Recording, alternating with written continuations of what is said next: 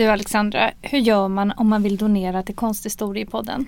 Jo, då går man in på vår Instagram-sida och så går man in på länk i bio och där finns det en knapp som heter Ge en slant till Konsthistoriepodden och den klickar man på.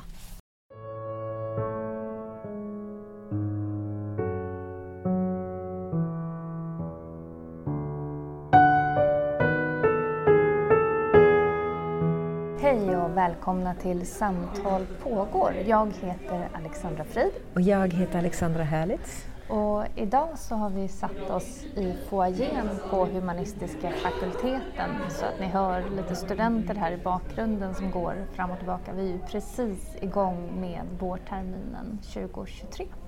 Och vi har tagit en liten paus nu från undervisningsförberedelse och forskning och allt som vi håller på med. Vi sitter här nu.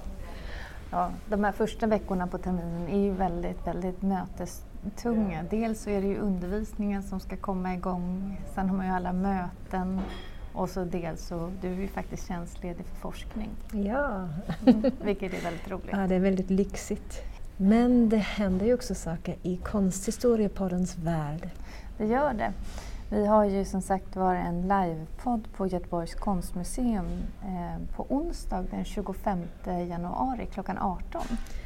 Och det ser vi ju fram emot jättemycket för att det är så väldigt kul att träffa er i publiken då. Ja, det brukar ju komma fram några fans. Eh, det är alltid olika.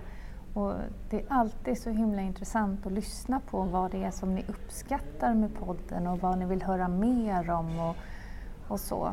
Eh, Så det är någonting som vi tycker är jätteroligt. Ja. Och sen är det ju också faktiskt den fantastiska utställningen som vi har sett flera gånger nu, Ja. som vi har tittat på. Eh, det konstverket som vi har valt som vi ska prata om. Mm. Ja, vi har ju haft några livepoddar nu på senaste tiden och vi har inte haft det här fokus som vi egentligen vill ha i konsthistoriepodden, att vi pratar om ett verk och det går till grunden med det. Ja, det stämmer. Mm. Ibland har vi fått uppgifter också vad vi ska prata om och då blev det inte riktigt det där upplägget som vi brukar ha. Nej.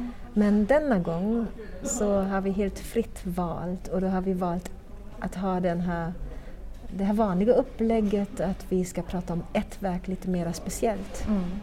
Och det är ju en utställning som handlar om Albert Edelfelts verk. Den eh, är ju på flera olika stationer också så den var i Paris och där visades det nog några andra konstverk eh, för att kontextualisera Edelfelts konstnärskap mera i den här, i det här, i den här parisiska kontexten. Just det, men Ehm. hörru du, vem är överhuvudtaget Albert Edelfelt? Ja, det är kanske inte alla som vet det. Det man skulle väl kanske kunna säga att det är Sverige, eh, Finlands motsvarighet till Zorn. Ja, det skulle man kunna säga. Ja. Ja, kanske. Ja. Eh, I alla fall delvis. Ja. Ehm, en väldigt eh, skicklig konstnär och skicklig nätverkare också Mm. som, ehm, som vi kommer att berätta mer om Mm. när vi har livepodden då.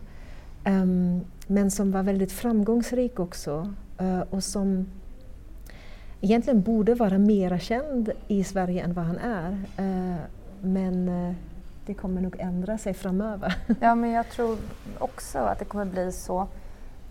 Eh, Det är ju så att ehm, den första stationen av denna utställning som då visades i lite, i lite annan i annat upplägg, det var ju i Paris och nu är Göteborg den andra stationen och här eh, knyts faktiskt hans konstnärskap lite mera till eh, Sverige och också till Göteborg delvis. Eh, och sen kommer den ju att gå vidare till, eh, till Finland efteråt och Ja, visas det. på Ateneum och då kommer den vara ännu större än vad den är här i Göteborg kan man säga. Det är nästan så att man vill åka dit och se den. Ja, det är så. Nej, men och I den här gråa januari som vi befinner oss i så har det ju varit väldigt upplyftande och, och verkligen nörda ner sig i Albert Edelfelt och alla hans verk, inte sant? Ja, det är det. det, är det. Och det som vi tänkte absolut poängtera eh, i dagens samtal det är ju att um, denna livepodd kommer inte livestreamas så det lönar sig absolut att komma till Göteborgs konstmuseum på onsdag om mm. man har möjlighet att göra det. Ja, man får då anmäla sig via ett event eller deras event på Facebook. Ja, precis. Mm. Jag tror att vi har också en länk på vår på Konsthistoriepoddens eh, Facebook-sida. Ja. Man får nog anmäla sig via mail, eller? Jaha. Är det inte så? Jag tror det står så i Facebook-eventet. Ja, Okej, okay. ja, ni får läsa. um. Men det är först till, till kvarn och de här platserna fylls upp snabbt. Och det finns bara 30 platser. Uh Och så eh, kommer vi ju, för de som inte kan ta sig till Göteborg, så mm. kommer vi ju förstås också att spela in uh, podden som ett vanligt poddavsnitt då, så ni kan ja. få höra det i efterhand. Precis, och det planerar vi att, att släppa den 26 januari. Ja, mm. Någon gång på det. Ja, det får man se. Vi har ju, som vi har skrivit i sociala medier så har det ju varit lite tyst kring oss på senaste tiden. Och det är ju för att eh, det har kommit saker emellan och vi har varit sjuka. Och... Ja, både varit sjuka ja. och jobbat ikapp oss igen och sen eh, blev det som det blev. Så ja. hoppas vi att vi ska hålla oss friskare nu under 2023. Ja men precis, och vi har ju också väldigt många roliga saker inplanerade under 2023. Eh, och vi hoppas ju också att eh, vissa saker som ligger i pipelinen verkligen ska bli av. Ja. Men vi kan tyvärr inte säga så mycket mer om det nu men, men det finns mycket att se fram emot. Ja, det gör mm. det. Det gör det. Mm. Så hur som helst, vi vill bara ge en lägesrapport, säga hej, berätta lite om podden på onsdag. Ja, och, och bjuda er in till onsdagens livepodd i alla fall på Göteborgs konstmuseum. Precis, och hoppas verkligen att vi ses då. Ja. Hej då!